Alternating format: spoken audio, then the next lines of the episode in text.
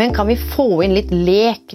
Litt mindre alvor? Det er lov til å velge på nytt, det er lov til å ta omvalg, det er lov til å begynne, det er lov til å ombestemme seg. Vi mennesker kommer til å være i utvikling hele livet. Samme gjelder også eh, karriereløpet vårt. Velkommen til en ny episode av Voksenpoeng med meg, Nora Rydne, journalist i E24.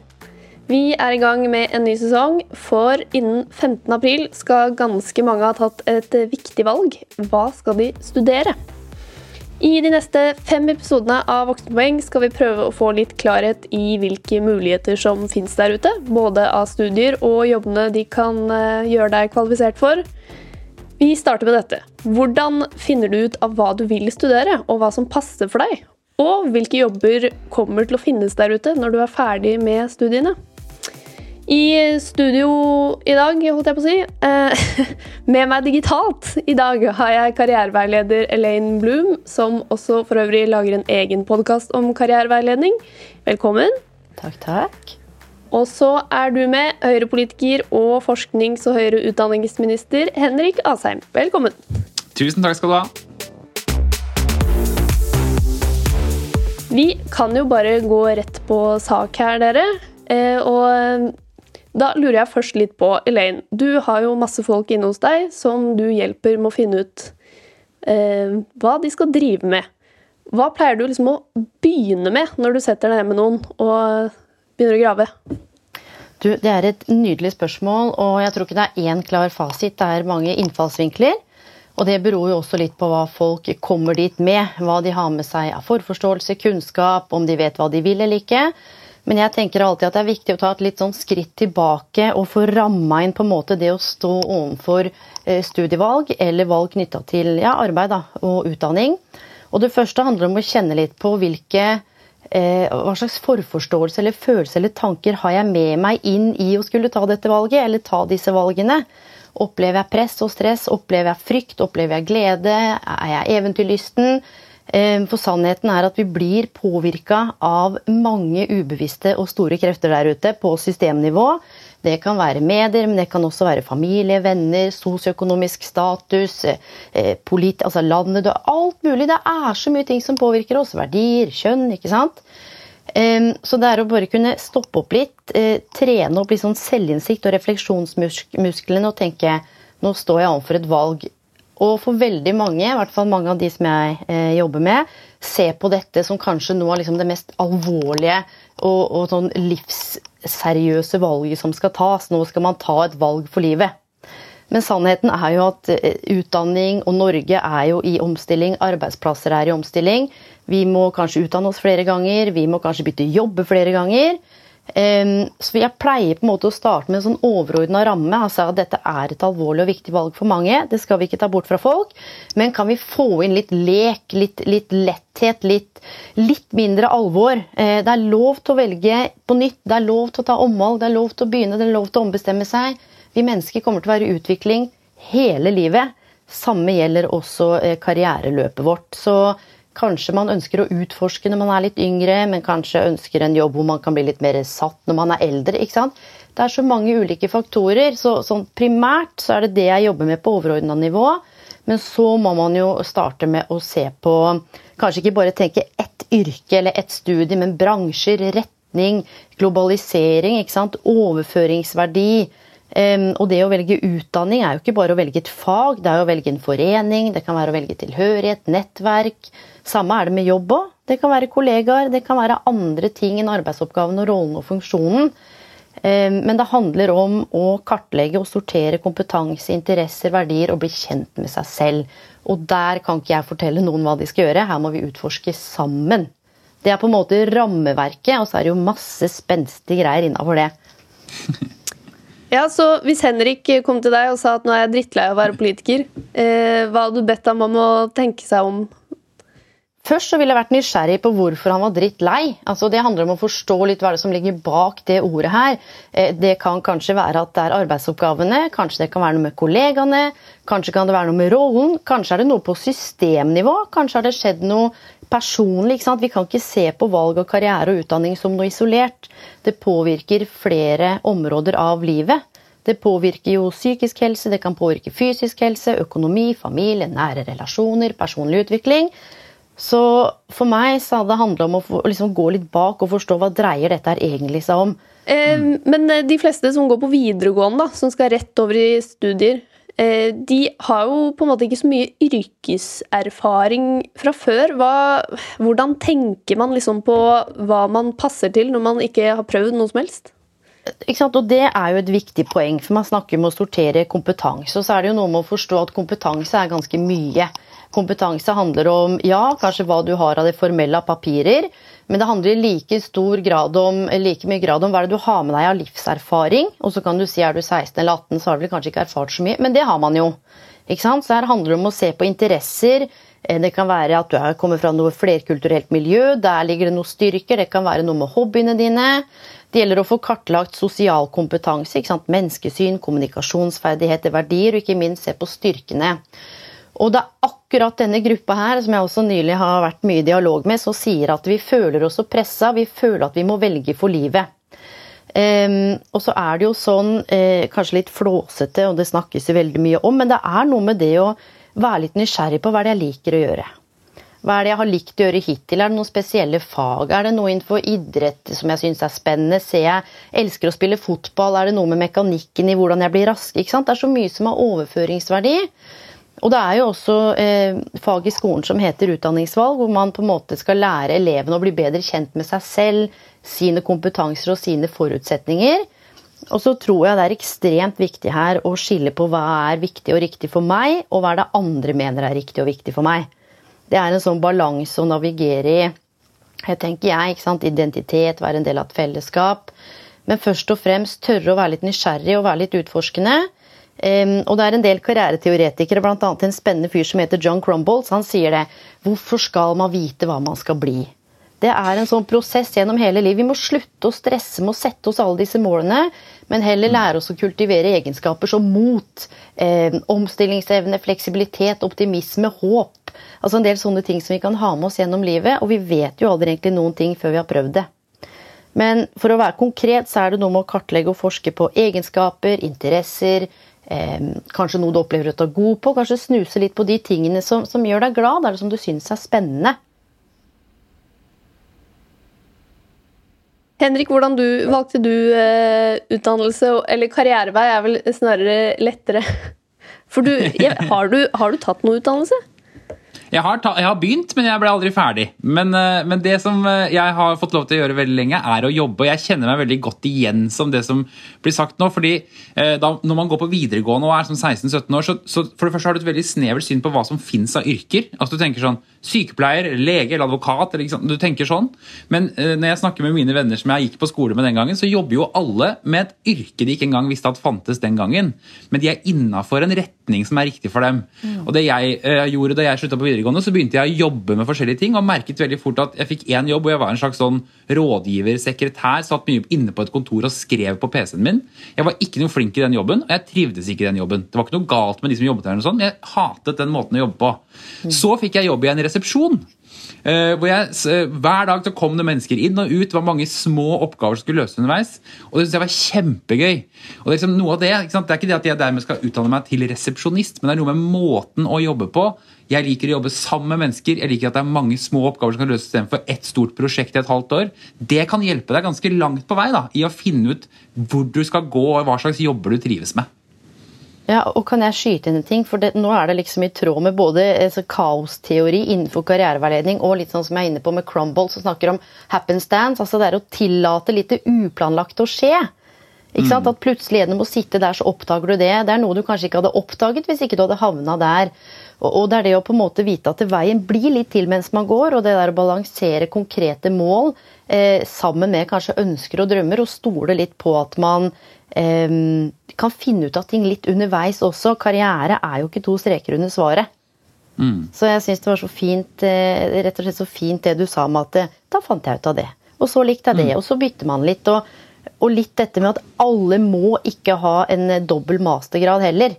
Og stresse med det. Jeg er jo snart ferdig med masteren min i karriereveiledning. Jeg begynte da jeg var 34. Nå har jeg jobba mm. i fagfeltet i ti år, men jeg er sjeleglad for at jeg har hatt ti år med praksis først. Men hvordan fant du ut av det da, Elaine? Eh, hva, du, hva du skulle bli, eller hva du skulle studere? Før du begynte på eh, karriereveiledning? Du, Det spørsmålet der skal jeg si deg en ting som er helt vilt, apropos det jeg snakka med, hva som påvirker oss. Da jeg var 13 år, så mista faren min Jeg har en voksen far, han blir 83 nå. Han var ganske voksen, han mista jobben. Ingen sa noe til meg i familien. Jeg skjønte at det var litt sånn merkelig stemning der. Og så var det en eh, natt så hørte jeg det romsterte i gangen, så jeg sto opp. da, det var på, I november, var på vinteren. Liksom Lokka opp døra, og der sto faderen ikke sant, i full påkledning. Så jeg bare 'Hvor skal du?' Så han bare 'Nei, men go back to bed'. Han er engelsk.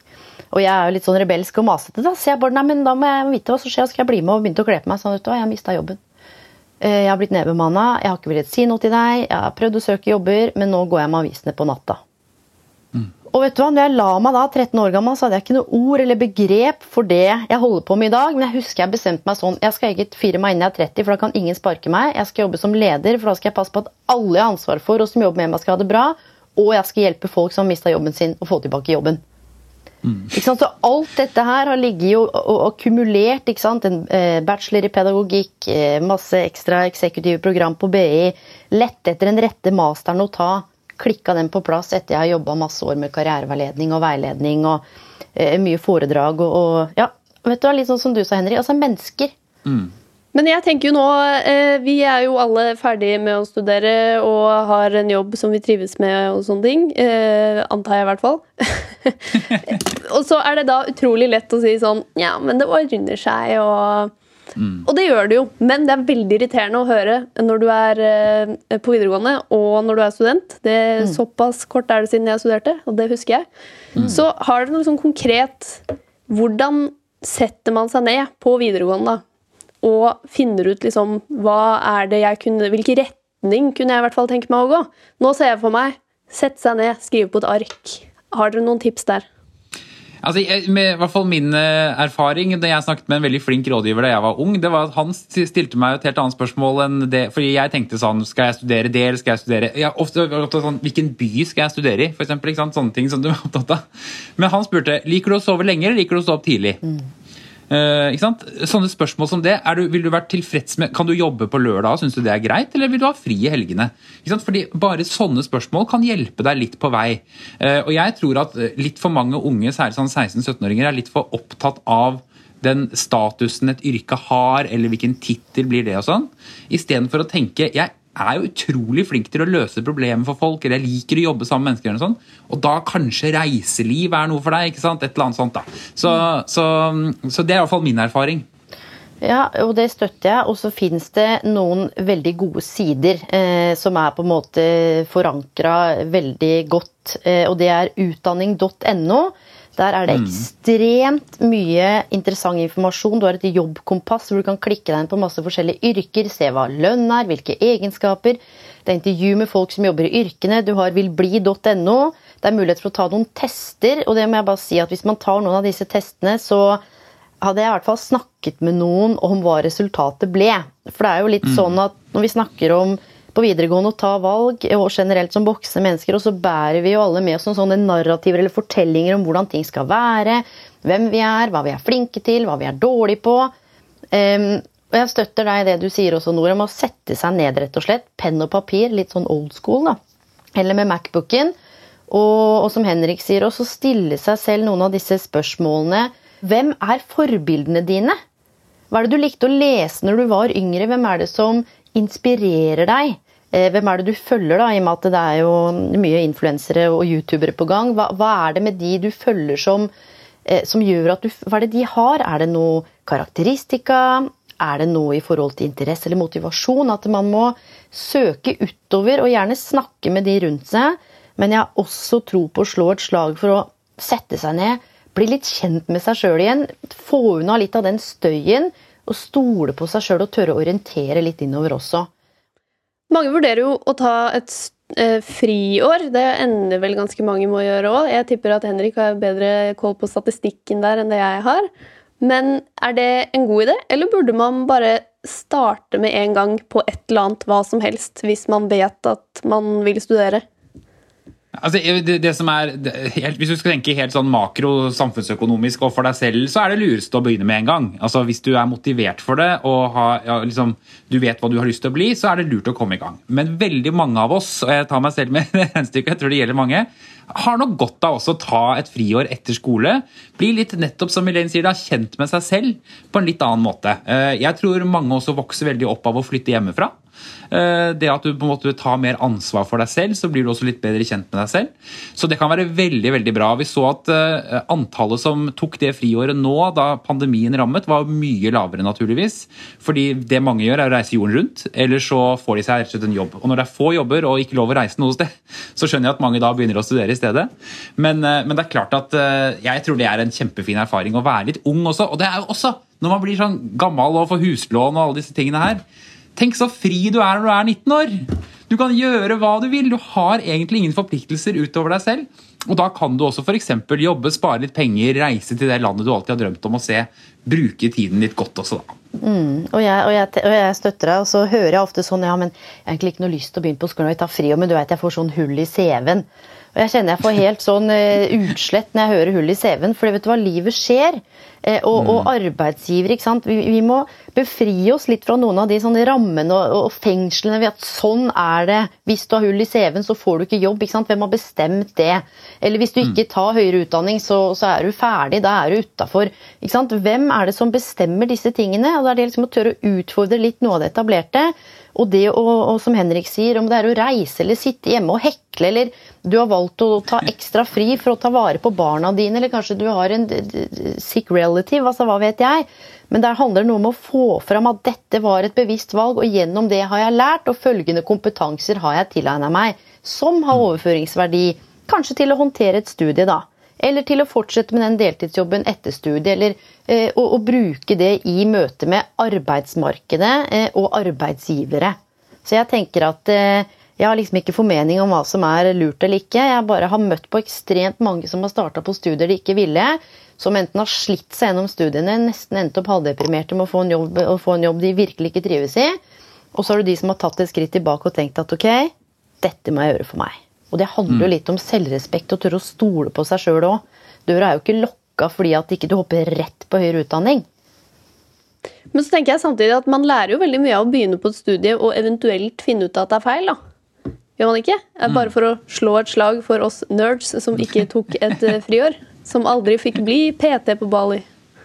Du, definitivt. Men da handler det også om å og dette er noen sånne konkrete karrierekompetanser. Det ene handler om evnen til å forstå hvordan du tar valg. Sant? Trenger du masse informasjon? Er du en som bare kaster deg uti det? Er du en som helst lar andre velge? Det å forstå hvordan tar du beslutningene dine, hva som gjør at du valgte det studiet. Så handler det om en annen karrierekompetanse som er mulighetsoppmerksomhet. Ok, Hvis jeg velger å tre tilbake nå, hvilke andre muligheter åpner seg? Og så er det en ekstremt viktig kompetanse jeg må slå et slag for, som er akkurat i tråd med det du snakker om nå evnen til å håndtere overganger. Fordi hvis du starter på et studie, men velger å slutte, så er jo det en endring. Og den endringen den propellerer deg inn i en overgangsfase. Og hvis du ser, bare For å trekke en parallell til korona nå, vi snakker om endring i arbeidsmarkedet og, og, endringer i folks liv. Det, det, er litt sånn, Endring handler litt om det som skjer utenifra, mens Utfordringen er at endringene propellerer oss inn i overgangsfaser som påvirker det psykologiske aspektet ved oss mennesker. Så hvis du skal da velge på en måte å gå ut av det studiet, så må du tenke sånn, da må du gi slipp på at du valgte det studiet. Og så kanskje du er litt sånn i limboland, veit ikke helt hva du vil, så må du tåle å hvile litt i det. For du kommer litt til den tredje fasen hvor du har kanskje reorientert deg, reetablert deg, eh, fått eh, pusla sammen brikkene litt annerledes. For det er ekstremt mange som starter, men som ikke tør å slutte. Mm. Og det syns jeg er veldig spennende. Og så kan man jo si at her skal man stå i ting, og man skal fader ikke gi seg. Eh, men det er den balansen mellom å kanskje av og til holde ut, og det å våge å, å slutte, da. Så er det også på mange studier sånn at du kan begynne på noe så finner du at det ikke var helt ditt, men yes. du kan bygge videre på det du har lært. Altså Du kan fortsette i forskjellige løp og retninger, og jeg tror mange studenter blir overrasket over hvor de ender opp, ut fra hvor de begynte. Eh, så, så det, hvis du er motivert til å begynne å studere, så er det nesten aldri bortkastet tid. altså. Eh, og i det verste fall så har du lært noe veldig nyttig om deg selv om hva du ikke skulle, skulle bli. Ja, så blir det på en måte litt tydeligere over hva som fins når man først er inne i det universet, har jeg inntrykk av i hvert fall. Eh, og så skulle jeg kanskje ønsket at jeg visste om det universet litt tidligere. da jeg valgte, men det er liksom så mye nettsider og sånn som man ikke vet om. Ja, og, og så Ikke bare det, men ikke sant, igjen, det er ikke bare faget vi snakker om høyere utdanning eller utdanning. Det er jo, nå er det jo litt spesielt da med pandemien, men får håpe at ting blir normalisert en eller annen gang. Men det er jo det med nettverket i de ulike institusjonene. Det er jo sant, foreninger, det er jo ulike politiske partier. Det er jo masse som foregår på et campus. Mm. så det er ikke liksom bare 'nå er jeg utdanna det', eller 'nå får jeg med meg den graden'. Men det er alle de tingene du kanskje også får i tillegg. da, som også handler om sant, kritisk tenkning, evne til å analysere dette med, noen, med akademiske språket. Men det er mye annet enn bare fag også. Eh, jeg vet jo om folk som har gått ut med snittkarakter C. Men de har hatt, fordi at de har vært så opptatt med foreninger og andre ting, og har fått liksom virkelig kremjobbene. Fordi de har valgt å gjøre andre ting ved siden av. Men hvis du sitter og sammenligner, da, hvis du har kommet så langt at du har kanskje fem retninger du tenker, eh, tenker på, hva, hva, er rådet da for å liksom finne ut hvilke du setter øverst? Da, du, da, er du jo så heldig gjerne at du kan gå inn og se på studieplanen og se på fagene og sånn. Hva ville dere gjort da? Jeg kan i hvert fall si én ting som jeg opplever veldig ofte. og Det er at man blir litt sånn paralyzed by indecision. Og dette er det også forska på. Jo mer valg vi har, og vi er jo ekstremt privilegerte med alle disse valgmulighetene, men det skaper en del kaos. Um, og har man virkelig klart å snevre ned til fem retninger man liker, ja, da er det jo helt rått. Uh, og da tenker jeg at da må man jo begynne å se på, litt sånn som Henrik var inne på i stad, hvor, hvor, er det de er lokalisert hen? Hvis vi kanskje ser post pandemi, kan du reise ut av landet? Um, skal du flytte? Da kan man begynne å se på hvilke driver. Er det et langt eller kort studie? Er det andre ting campus tilbyr? Uh, er det en deltidsjobb i nærheten? Så det, det, er litt det der med å igjen selvinnsikt, da, som er den, den, fjerde karrierekompetansen. Nå har jeg disse valgene. Hva er det jeg egentlig ønsker? Hva er det som interesserer meg mest? Er det noe som er i tråd med verdiene mine? Um, er det noe av disse her som kan gi meg en konkret jobb jeg ser for meg i fremtiden? Er det noe her som er mer ullent? Hvem kan jeg snakke med? Kan jeg plukke opp en telefon til noen som jobber med noe av dette her, som har hatt en sånn type utdanning? Kan jeg ringe institusjonene, altså skolene? Oppsøk informasjon tenker jeg hvis man skal velge i større grad enn å bare sitte på Mac-en og google ting. Ikke sant? Man må samle informasjon gjennom å snakke med andre også, og der er det mye gull, altså. Har du noen pro-con-list-tips, Henrik? Nei, jeg satt og noterte, jeg nå, for dette her er jo veldig nyttig. egentlig. For jeg, jeg, sliter litt med det selv. Eh, så, så det, å få, det å nettopp tenke på den måten, da, og tenke også på en måte hvor er utdanningen, f.eks. Kjenner jeg noen andre som har jobbet med det, den type ting, er interessant. Så er det klart at Dette er jo store valg å ta, men en ting jeg har lært, er at hvis du har, står overfor alternativer du ikke klarer å velge, skriv den ned på hver sin lapp, og så trekker du. Og det er ikke fordi du skal ta det du trekker, men du merker at du blir skuffet hvis du trakk feil. Mm. Uh, og det er litt sånn, ikke sant? For du klarer å eliminere. Jeg skulle egentlig ønske det var det, og da begynner du liksom å se litt mer hvor det burde vært. da. Mm. Men det er klart at dette er, Og så tror jeg også Elena har et veldig viktig poeng, og det er at man må ikke tenke at dette er Nå har jeg forseglet skjebnen for alltid, dette er det jeg skal gjøre til jeg blir pensjonist. Overhodet ikke. Men hvis det er det du har mest lyst til, så prøv deg på det. Nå skal jeg stille et spørsmål som du ikke kommer til å like, Elaine, men kanskje du kommer til å like, Henrik. Er det noen studier man burde styre unna, bare fordi jobben ikke kommer til å finnes der? Nei, det er faktisk egentlig ikke det. rett og slett Fordi de studiene som det er få jobber på, er også veldig vanskelig å komme inn på. Er, altså, man prøver jo å tilpasse dette på en sånn måte at det er f.eks. det å komme inn på Teaterhøgskolen det er veldig veldig vanskelig. Hvorfor det? Fordi det er ikke så mange skuespillere som får jobb heller. Hadde vi hatt et stort stort behov for skuespillere, alle hadde teater i stua, liksom, så ville det jo vært mange flere som også ble utdannet som skuespillere. Så Sånn sett så er det ikke noe sånn studie som du ikke bør velge.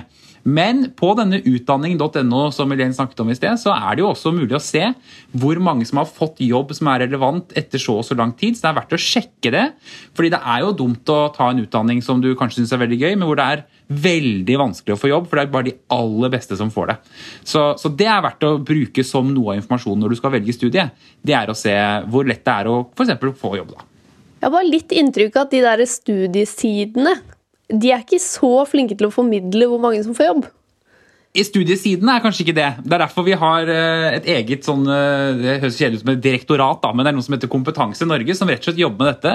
Med etter- og videreutdanning for folk, informere på en god måte. De har også laget en egen skal ikke gå i lane i næringa, men de har også laget en egen karriereveiledning som, er, som du kan ringe til. Som Der sitter det 19 karriereveiledere i Tromsø som også svarer på chat og gjør sånne ting. Så det er fullt mulig å få hjelp og liksom, i hvert fall litt veiledning på hvor man burde gå. da. Men det er også ganske mye informasjon de deler på denne utdanning.no studentene.no, hvor du kan se hvordan det har gått med studenter tidligere. Og Så er det en ting til som er vanskelig. og det er at Hvis dette hadde vært en podkast fra 1965, så ville jo ikke jeg sagt jeg ville blitt oljeingeniør. Det er nok det lureste nå. For det var i 1969 vi oppdaget at vi hadde olje i Norge. Så, så det, er noen, det, er veldig mange ting om fremtiden vi ikke vet.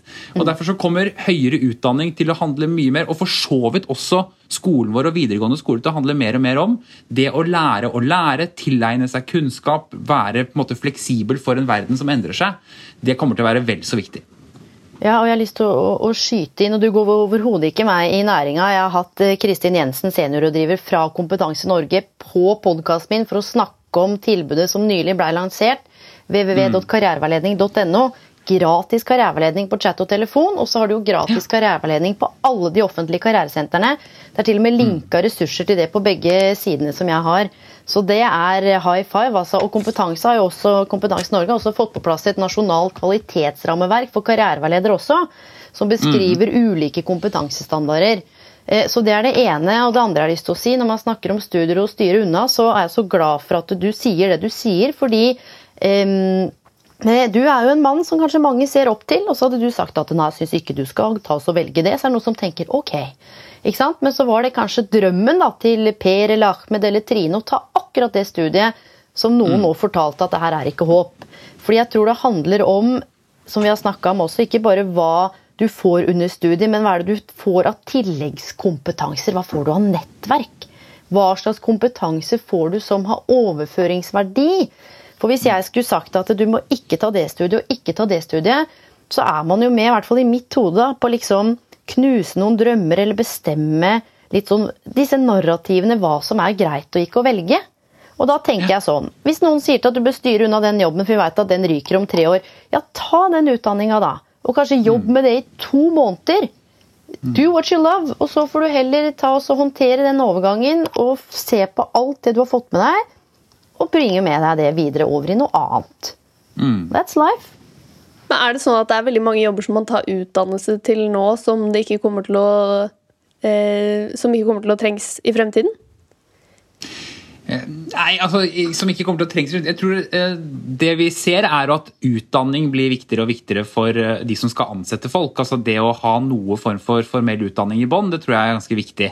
Eller det vet vi. Også fordi den digitaliseringen som skjer nå, den gjør at veldig mange av de jobbene som man vanligvis kunne gå til. Du kunne egentlig gå og banke på døra på Hydro i, i lokalmiljøet ditt og få jobb som 16-åring før i tida.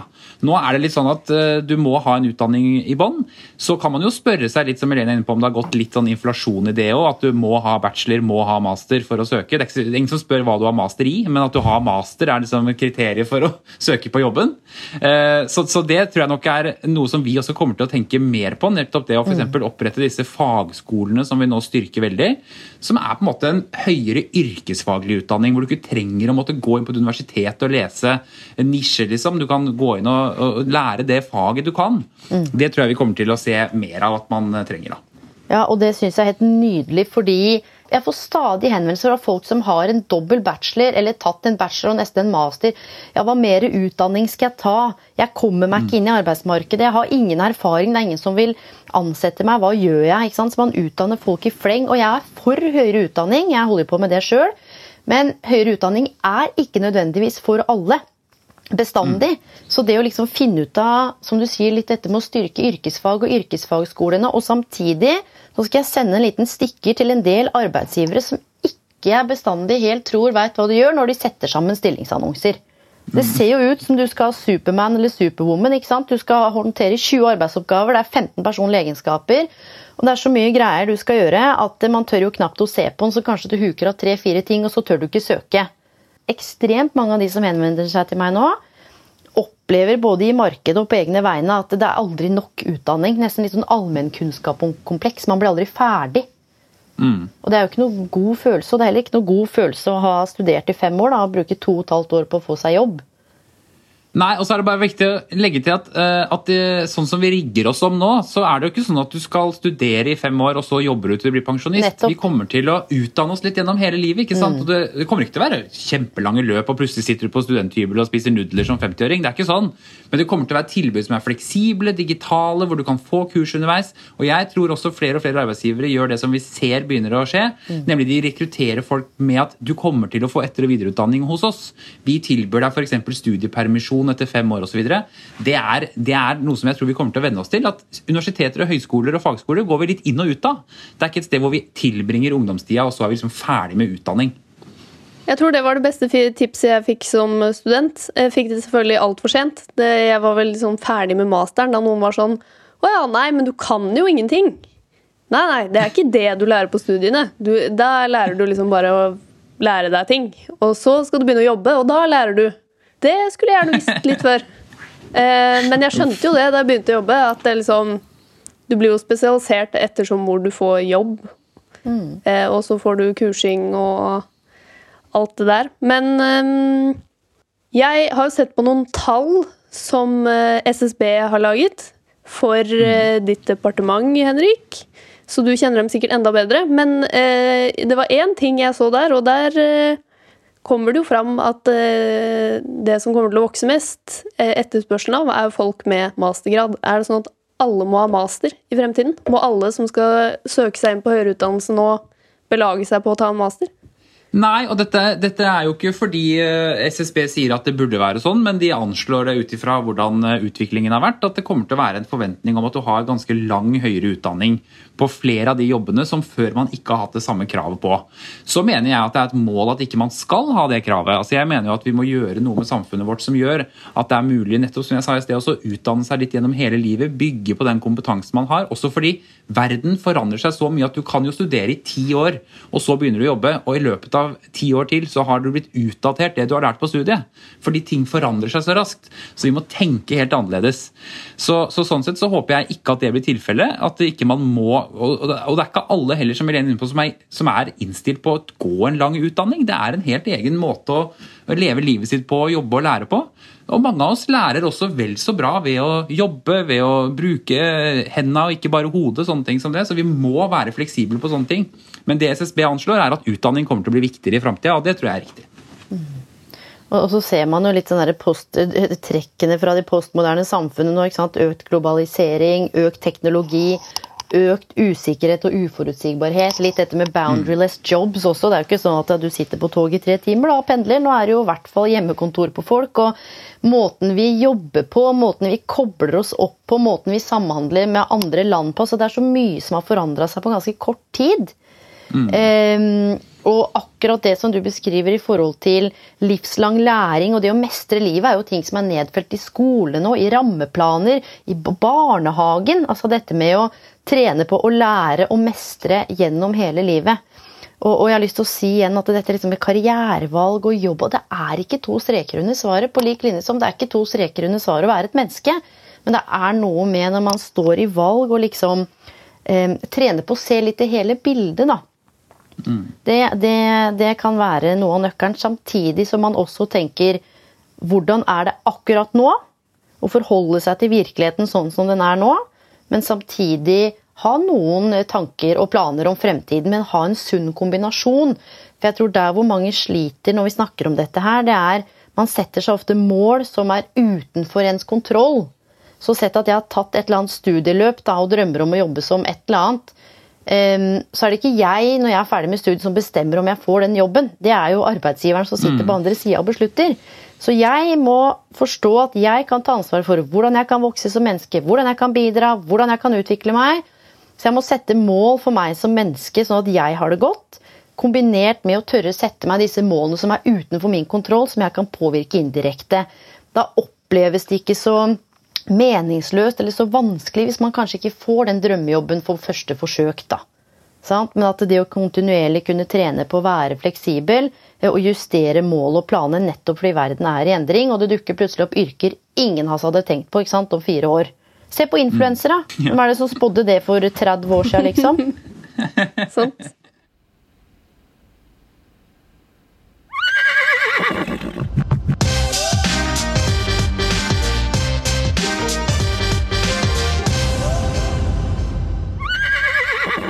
Vi har en spalte i Voksenpoeng som heter Min kjepphest. Hva er eh, deres kjepphester på å velge utdanning? Henrik, du kan begynne. Ja, min, min, kjepphest er det samme som jeg sa litt innledningsvis, at jeg tror man må finne et yrke som passer til det livet man ønsker å leve.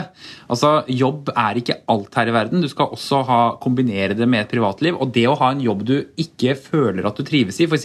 For, for fordi man jobber på en annen måte enn man trives best med, det tror jeg gjør én at du ikke har det så veldig bra. Og to, at du ikke gjør noe særlig god jobb. Så hvis du har lyst til å gjøre en karriere og lyst til å få til noe innenfor en sektor, eller noe sånt, så tenk først på liksom hva slags type jobb er det jeg passer til? Hvis du liker å være, ikke liker å stå opp tidlig om morgenen og ikke liker mennesker, så kanskje ikke flyvertinne er jobben du skal bli. Ikke sant? Men, men eh, så, så, tenk litt sånn istedenfor å forelske deg i et yrke eller en tittel. Tenk på hvordan du ønsker å leve livet ditt, rett og slett. Elaine, hva med deg? Du, eh, en kjepphest, og det er blant annet dette med å være bevisst den forforståelsen, eller hva vi bringer med oss inn i valgene våre. Hvem er det vi lar påvirke oss? Altså det å kunne være bevisst på hvilke krefter, hva er det vi leser, hva er det vi ser? Hvem er det som har fortalt oss ting? Hvorfor, hvorfor er dette viktig for meg? Det å tørre å stille seg sjøl de gode, åpne spørsmålene. Tørre å gå i dialog med de rundt som sier ja, men dette er lurt for deg. Ja, hva er det som gjør at du tenker det? Fortell.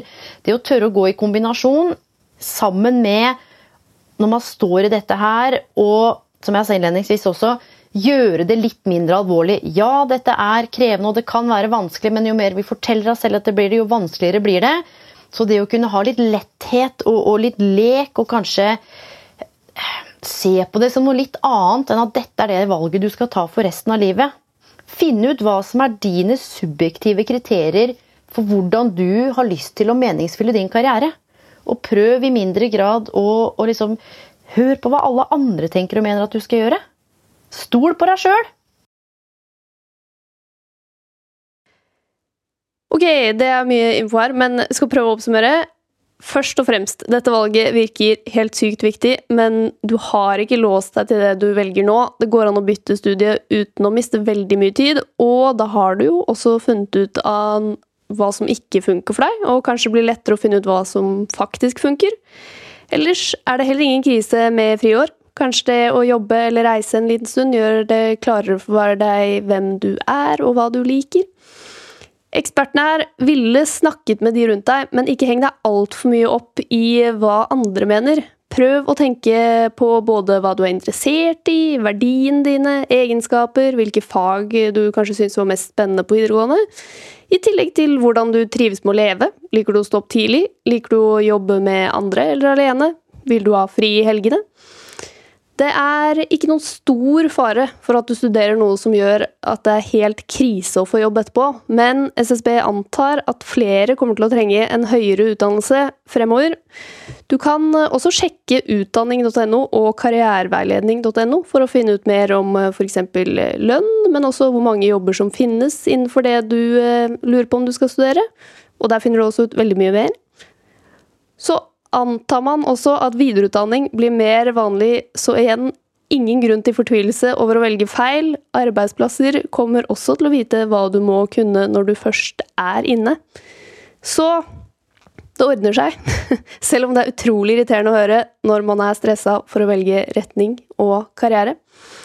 Så kommer det jo også litt flere episoder da, som skal hjelpe deg videre innenfor litt spesifikke retninger. Har dere noe å legge til, eksperter, eller var det en grei oppsummering? Eh, vi snakker om å sant, kartlegge og finne ut av hva du vil, og bla, bla. Men det er jaggu like viktig å se på hva du ikke vil. Hva er begrensningene dine? Altså, Liker du ikke matte? Ja, hvorfor skal du ta noe som Hvis ikke det er greia di, sant? så kanskje begynne i den retningen òg. Hvis du er helt blank og ikke aner hva du er interessert i, eller hva du vil, eller hvem du er. Ja, hva er det du ikke liker, da?